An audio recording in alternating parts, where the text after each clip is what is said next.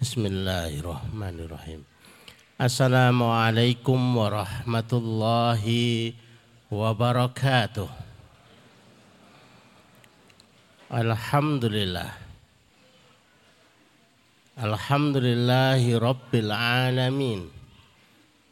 Nahmaduhu wa nasta'inuhu wa nastaghfiruh. Wa nastahdihi wa na'udzu billahi min syururi anfusina wa min sayyiati a'malina. May yahdihillahu fala mudhillalah wa may yudlil fala hadiyalah illallah wa anna muhammadan abduhu wa nabiyuhu la nabiyya wa la rasula ba'dah Allahumma syrah sudurana wa tazawwas an sayyatina wa hab lana fahmal anbiya'i wal mursalin wa hab lana fahmas salafus salih. Allahumma anfa'na bima 'allamtana wa 'allimna ma yanfa'una wa zidna ilman wa na'udzu billahi min ahwali ahli nar Allahumma la sahla illa ma ja'altahu sahla wa anta taz'alul hasna idza syi'ta sahla. Rabbi shrah li sadri wa yassir li amri wahlul 'uqdatam min lisani yafqahu qawli rabbi zidni ilma. Subhanaka la ilma lana illa ma 'allamtana innaka antal alimul hakim Rabbana atina min ladunka rahmah wa lana min amrina rasada.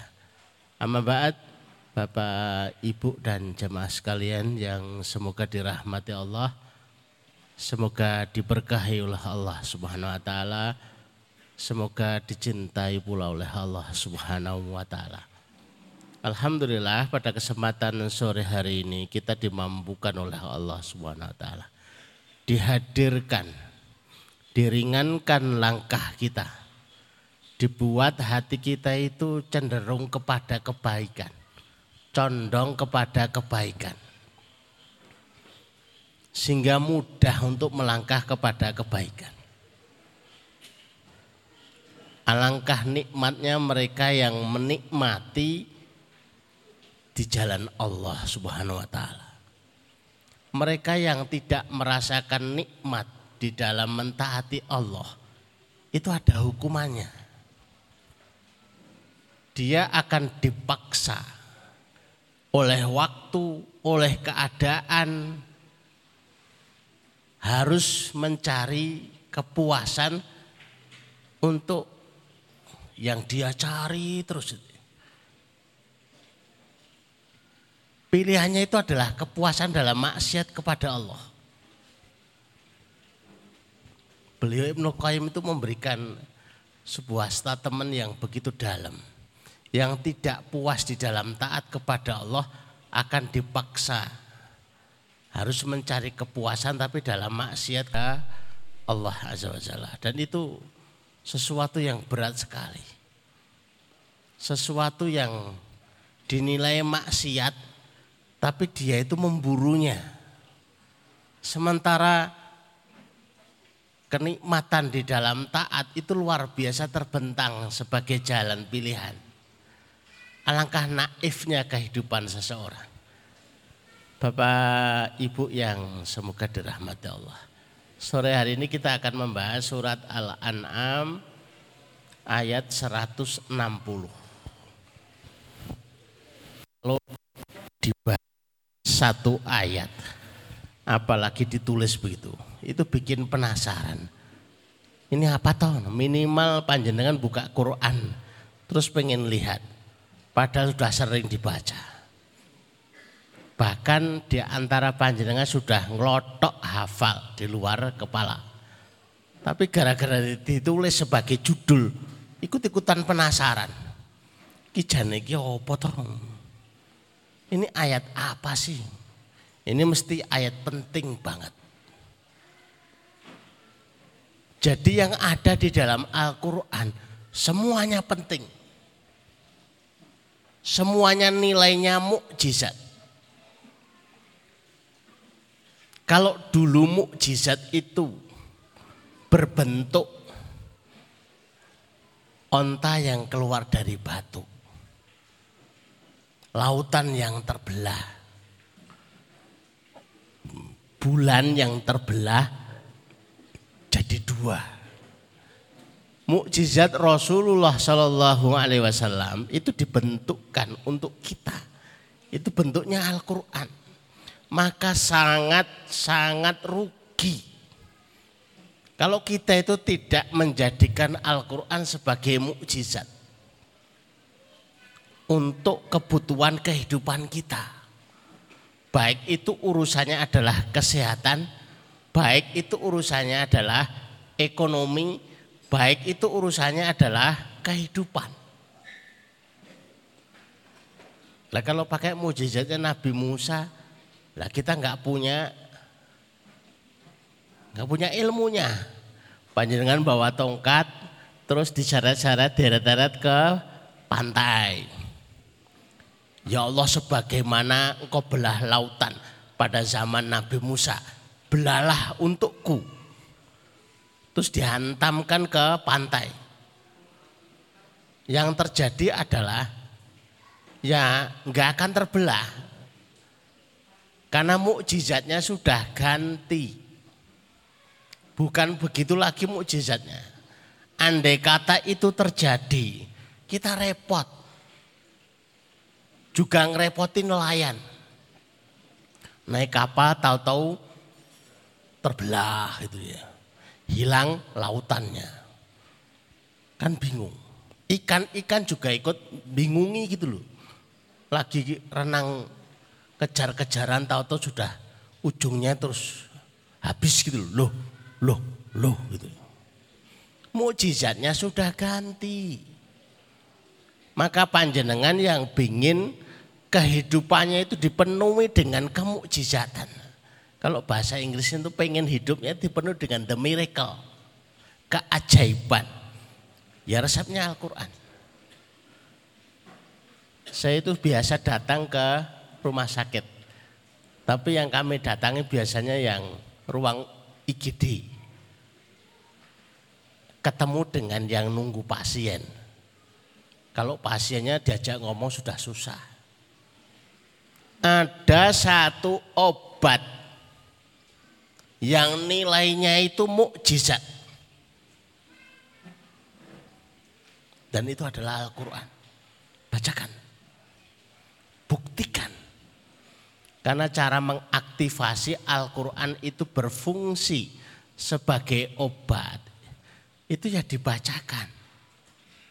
Ada suaranya, buatan dibatin. Kan nggak ada istilahnya Al-Fatihah, dibatin. Enggak ada. Al-Fatihah ya dibaca. Anas ya dibaca. Al-Falak ya dibaca. Ayat-ayat yang lain dibaca. Bahkan kami kumpulkan dari teman ya, kami minta tolong saya mbok dicarikan ayat-ayat Al-Quran karena kita itu bergerak di pendidikan yang jurusannya itu adalah bagaimana urusannya dengan Quran. Saya itu minta tolong Mbok ya dikumpulkan biar kita nggak susah-susah nyari ayat-ayat yang berkaitan dengan kesehatan. Sampai satu buku. Tapi belum difotokopi. Kalau nyari di sini ya yang ada hanya di HP saya. Dijuduli ayatul ihya. Ayatul ahya. Ayat-ayat kehidupan. Dulu dari syekhnya sudah berpesan, ini untuk mereka yang sakit-sakit yang sudah para ahli medis itu sudah angkat tangan. Tolong dibacakan. Diulang-ulang.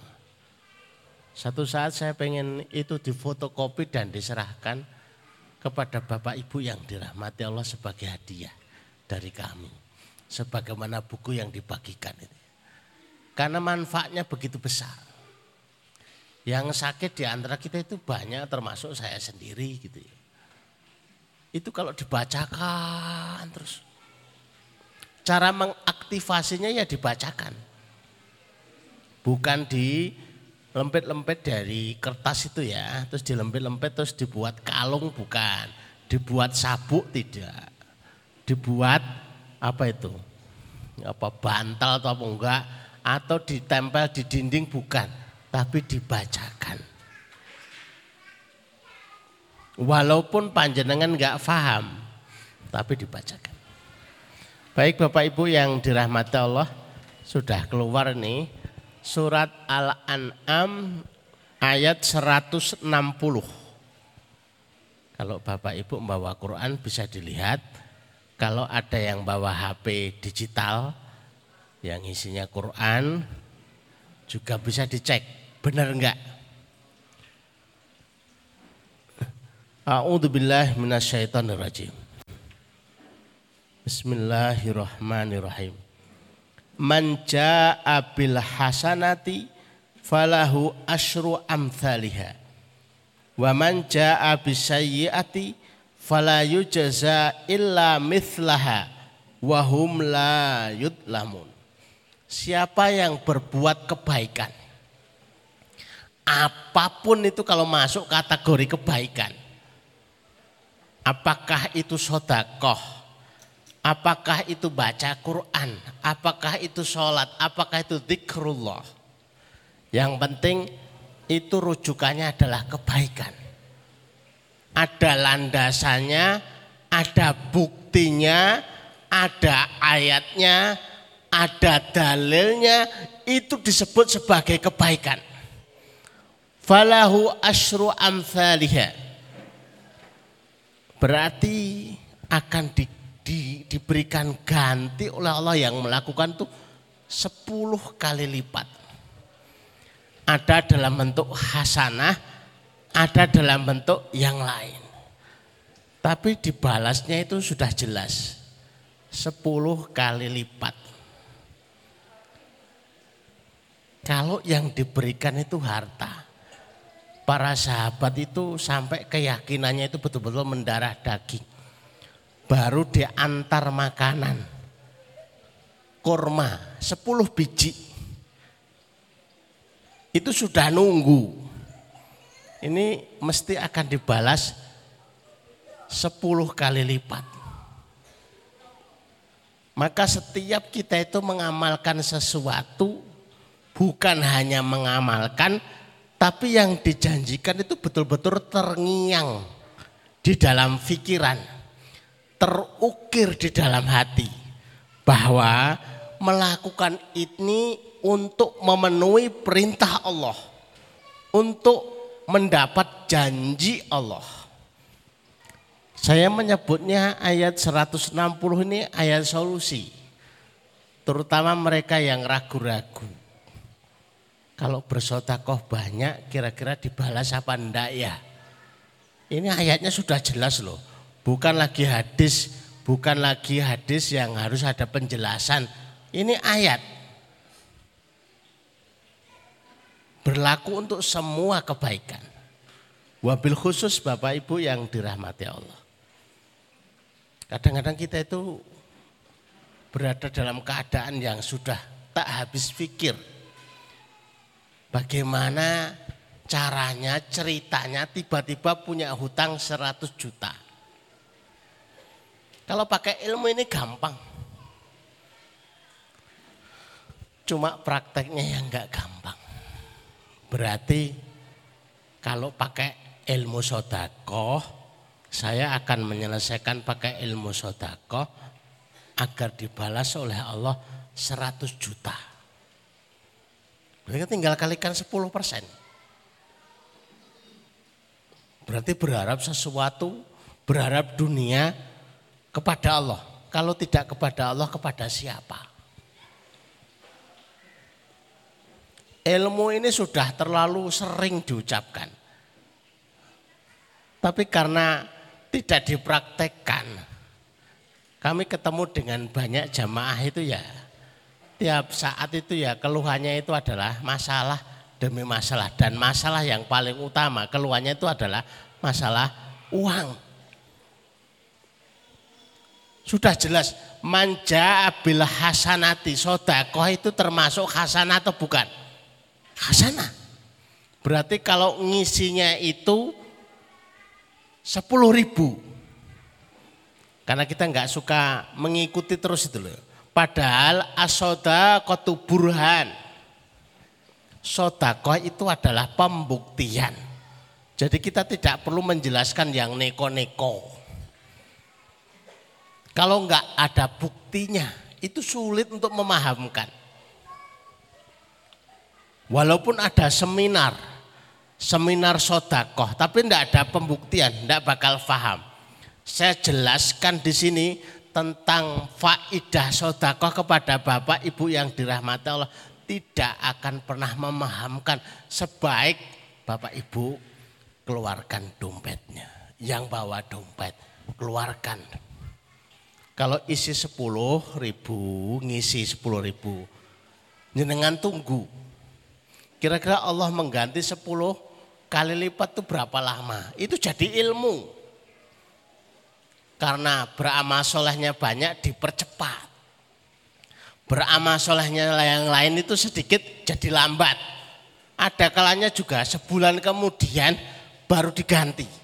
Tahu-tahu penggantiannya bukan dalam bentuk uang 100 ribu cuma ditraktir dia, istrinya, dan keluarganya dan anak-anaknya.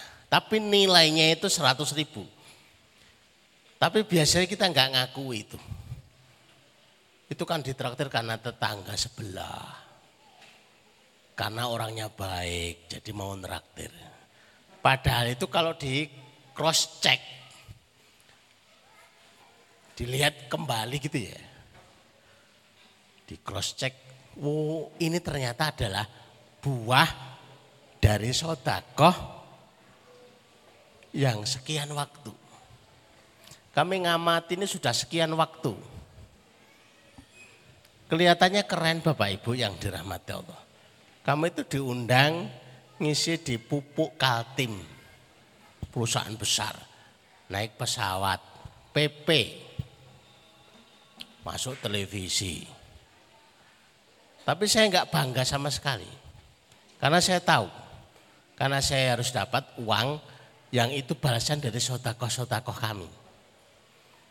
Karena di tempat saya berasal atau di tempat kami tinggal, itu untuk dikasih uang yang besar itu nggak mungkin, susah gitu loh. Maka harus diperjalankan ke Kalimantan Timur. Sehingga ya biasa saja. Kalau harus tiba-tiba sampai di Kalimantan Timur terus langsung dikasih. Ya nggak diundang tausiah. Wong pekerjaan saya juga yang ngisi tausiah. Gitu. Maka perlu dibuktikan, perlu untuk menjadi testimoni. Sehingga kita kalau sudah tahu begitu, ya sudah. Ilmunya diulang. Ilmunya diulang. Kalau jumlahnya banyak berarti diulang manja abil hasanati falahu asru amthaliha. Asru amthaliha itu beda dengan langsung maknanya itu adalah falahu asru hasanah. Kalau hasanah itu langsung jelas. Itu pahala. Tapi bahasanya itu falahu asru amthaliha. Kalau sepuluh ribu 10 yang semisal dengan 10 ribu, ya 10 ribu jumlahnya 10. Kalau dia ngasihnya 5 juta, 5 juta sebanyak 10 kali. Kalau dia itu ngasihnya itu 10 juta, 10 juta kali 10. 10 juta, 10 juta, 10 juta, 10 juta, 10 juta. Harapan kami termasuk saya pribadi begitu ya Bapak Ibu yang mendengar tausiah itu kemudian menguji. Coba tak buktikan. Hasilnya kayak apa? Kalau itu sudah terbukti itu jadi ilmu. Bukan hanya sekedar wacana, bukan hanya penjelasan, bukan hanya bahasan, tapi langsung pembuktian. Agar masalah-masalah kita juga terurai dengan mudah.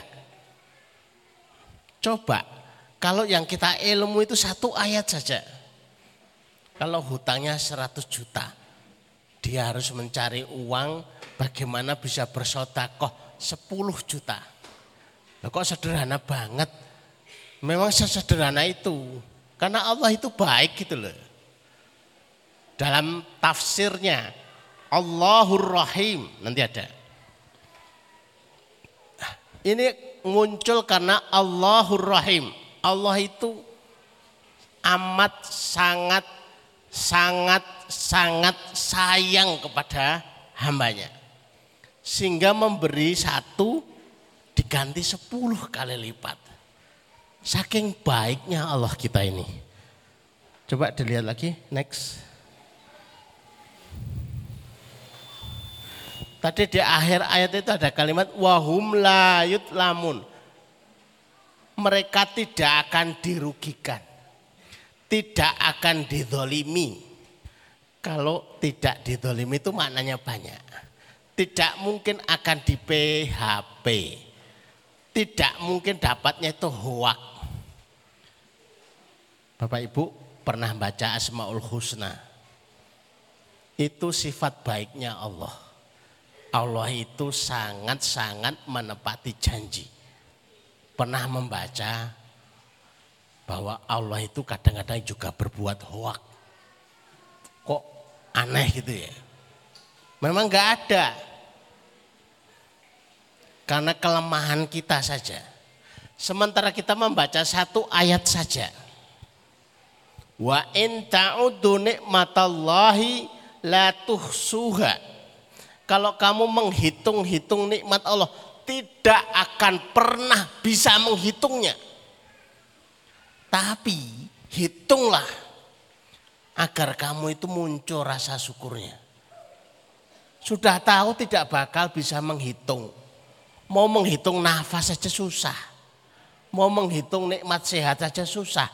Tapi kalau kita tidak menghitung, akhirnya banyak yang lupa. Banyak yang jengkel. Kenapa saya sudah sholat, sudah tilawah, sudah zikir, kok berdoa tidak dikabulkan. Padahal ada masanya. Ada masanya. Sahabat Umar Khattab itu sampai mengatakan, Anala ubali.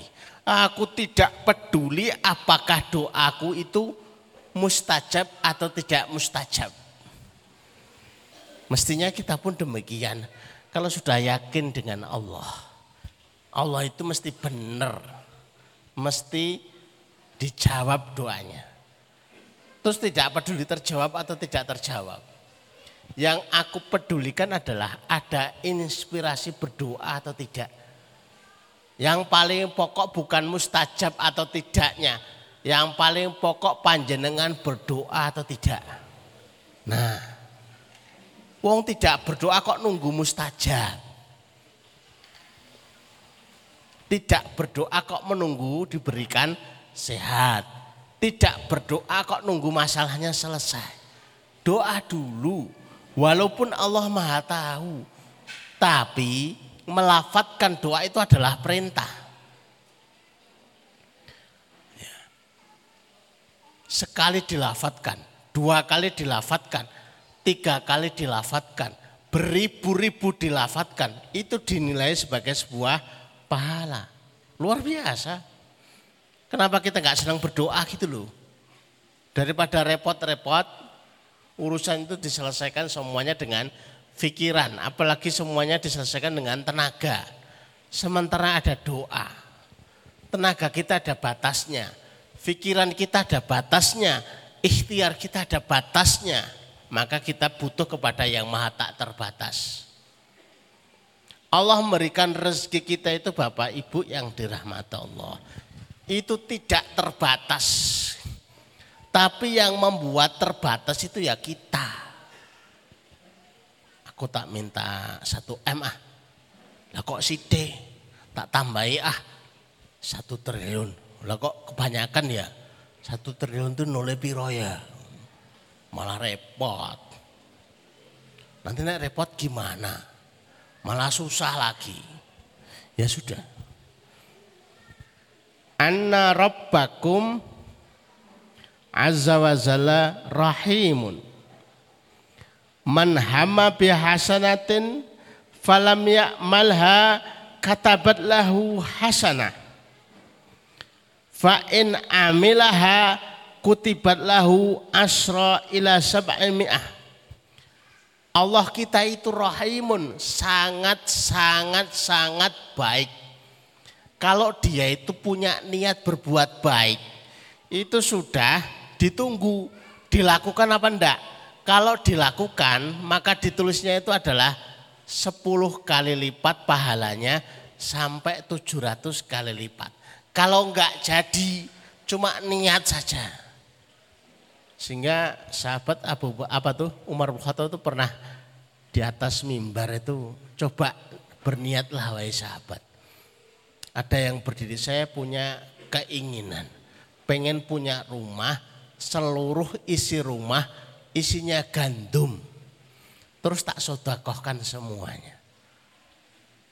Ada lagi enggak yang lebih dari itu? Fikirnya itu sudah luar biasa.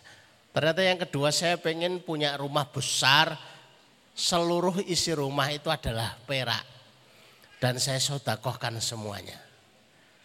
Ada yang lebih baik lagi enggak? Saya pengen punya rumah, seisi rumah itu emas semuanya. Terus tak sodakohkan semuanya. Itu baru baru bayangke gitu loh. Baru niat. Itu sudah ditulis pahalanya. Yang paling repot itu kalau ketemu orang yang model ini. Karena belajar ilmu, terus dengan ilmunya dia itu banyak mencuri kebaikan. Kalau saya itu punya ilmu, apa tuh punya usia setua dengan bapak ini. Dengan amal solehnya yang luar biasa. Saya akan beramal persis seperti bapak ini. Maka malaikat disuruh mencatat huma fi ajrin sawah dia pahalanya sama. Tidak ngapa-ngapain. Cuma ya punya keinginan seperti itu. Kalau saya itu punya harta yang sebanyak fulan ini. Ya Allah saya akan berbuat seperti fulan ini. Maka huma fi ajri sawa. Dia pahalanya sama. Orangnya punya apa? Berarti pahalanya tiap hari cuma ngelamun. Mbok menowo mbok menowo. Tapi kenyataannya itu enggak ada kok Bapak Ibu. Enggak banyak yang punya ilmu yang model kayak gini itu. Pokoknya kok orang kok rajin banget. Di sini tuh hampir semua santri itu puasa Senin dan Kemis. Kalau ngelihat saya ke Pondok Putra, ke Pondok Putri, itu jarang puasa, tapi selalu ikut buka puasa. Saya suka buka puasanya tapi belum senang puasanya gitu ya. Ngertinya Ustaz orang tahu puasa. Nggak dapat pahalanya. Bu. Belum tentu. Sekali kami mengucap ya Allah, sekiranya kami itu punya apa ini?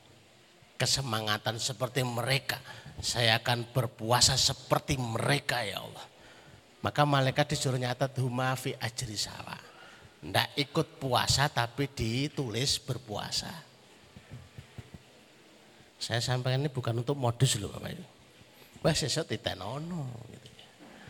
Pokoknya aku paha Arab amal soleh niat baik gitu. Ya. Itu pahalanya sama huma fi ajri sawa. Mau protes ya silahkan. Protesnya itu apa kesalnya itu gara-gara kita nggak punya ilmu gitu loh. Maka orang yang nggak punya ilmu itu masalah. Seorang wanita Bani Israel. Ini yang pernah dikeluhkan oleh Bapak Insinyur Soekarno. Kok bisa? Dalam hadis itu diceritakan. Seorang wanita Bani Israel.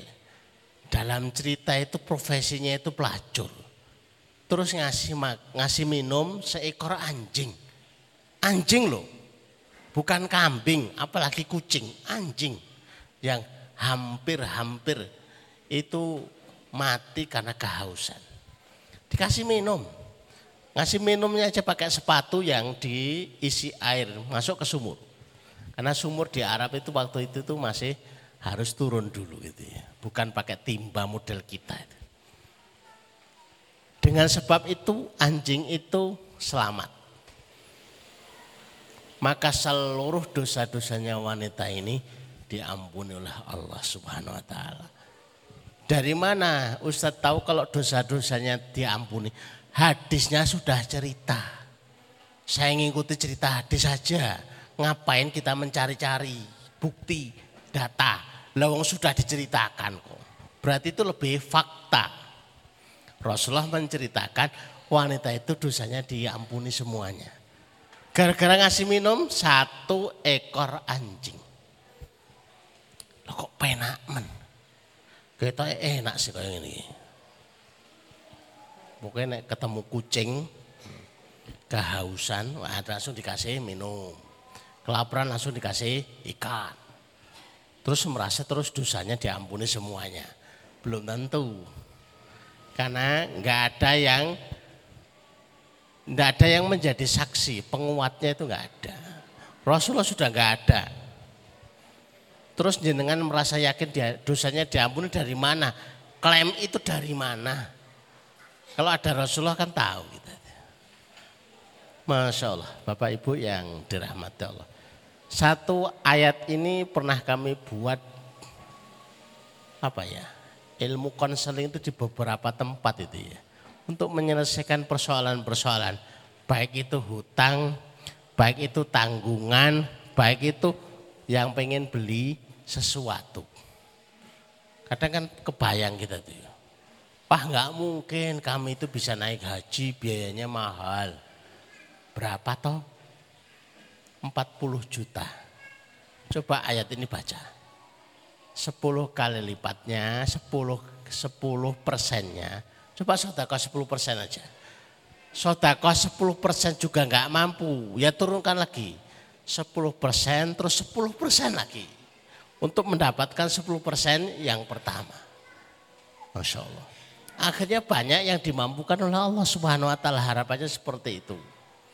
Tapi kalau sudah punya uang, ya sudah pakai uang itu saja, enggak usah dibuat 10 persennya lagi. Kesuwen gitu loh. Ini ilmu tapi untuk dipraktekkan. Kami tunggu Bapak Ibu yang dirahmati Allah untuk mempraktekkan ilmunya. Nanti kalau sudah terbukti silahkan bercerita. Saya sodako 10 juta. Waktu sodako 10 juta ngewel. Dredek kayak orang kena Parkinson. Ngewel. Tapi ya Allah tiba-tiba saya kok tiba-tiba oh enggak, enggak merasa jadi anaknya Lo kok dapat warisan 100 juta? Ini piye ceritane? Sulit dinalar. Ketika itu terbukti baru enak ya jadi orang itu. Kalau terbukti. Yang repotnya itu kalau dikuruskan. Dikuruskan dengan bentuk kesehatan. Tapi terus nggak ngakui kalau dia itu sudah dibalas 10 kali lipat. Loh saya nggak dapat balasannya kok. Lah sehatnya jenengan itu coba kalau kena sakit misalkan satu mata itu ya. Itu dibuat sakit. Itu biaya pengobatannya itu berapa juta? Oh iya ya. Harga pengobatan mata dibuat sehat itu luar biasa. Akhirnya kita kaya.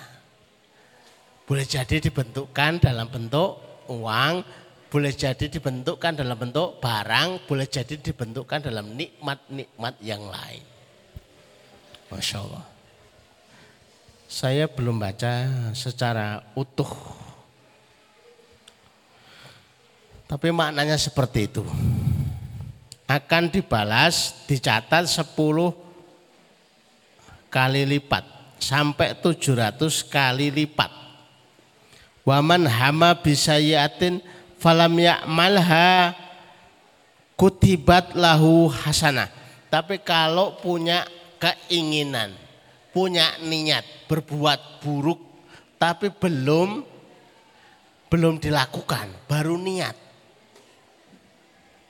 Itu belum ditulis, tapi kalau dilakukan itu baru ditulis. Satu ditulis satu. Fa'in amilaha katabat lahu wahidah. Oyam huha. Kalau keburukan ditulis tetap satu atau mungkin malah dihapus. Wala yuhlaku alallahi ilal halik. Tidak ada yang binasa di hadapan Allah kecuali dia itu pengen binasa. Sudah dijelaskan jelas, ayatnya jelas, diterangkan dengan jelas, tetap nekat. Gak pengen berubah. Berarti memang niat nawa itu ini binasa itu. Mudah-mudahan satu ayat tapi membuat perubahan dalam hidup kita. Karena satu ayat yang diamalkan. Bapak Ibu yang dirahmati Allah belum selesai. Satu ayat aja belum selesai. Tapi mudah-mudahan diamalkan, dipraktekkan dan bisa mendapatkan hasil yang maksimal. Karena sudah waktunya masuk maghrib, daripada saya dapat surat tilang. Karena sudah pulang duluan pembawa acara itu nggak ada surat tilang. Tapi kalau ada pembawa acara biasanya ngirim surat tilang waktunya habis. Ya sudah tahu kalau waktunya habis. Sudah maghrib ya sudah tahu keadaan maghrib. Tapi tetap ditulis itu. Alhamdulillah sudah pulang duluan. Sekarang modelnya begitu. Bapak Ibu tahu enggak kenapa kalau sudah mengumumkan acara terakhir itu adalah tausiah dan saya mohon diri itu langsung pergi. Kenapa Bapak Ibu? Biar kalau ada komplain sudah tidak ada di tempat. Aman tadi bawanya tadi pembawa acaranya tadi kurang jelas atau benar itu sudah ada komplain semuanya. Sudah selesai. Redeknya juga sudah selesai. Jangan dikira yang redek itu adalah dalam urusan-urusan yang lain. Membawakan acara aja redek gitu. Itu belum tentu semalaman dia tidur. Karena mikir. Sesuk ngomongnya piye gitu loh terus piye gitu ya. Ternyata baru setengah jam mundur. Aman, aman, aman. Demikian Bapak Ibu yang dirahmati Allah masuk sesi doa. Mari kita berdoa bareng-bareng kepada Allah. Mudah-mudahan masalah-masalah kita diselesaikan oleh Allah Subhanahu wa taala. Kita tata hati kita, kita tata pikiran kita. Mudah-mudahan doa-doa kita diistijabah oleh Allah Subhanahu wa taala. Bismillahirrahmanirrahim. Allahumma salli ala Muhammad wa ala ali Muhammad kama sallaita ala Ibrahim wa ala ali Ibrahim. Allahumma barik ala Muhammad wa ala ali Muhammad kama barakta ala Ibrahim wa ala ali Ibrahim fil alamin innaka Hamidum Majid.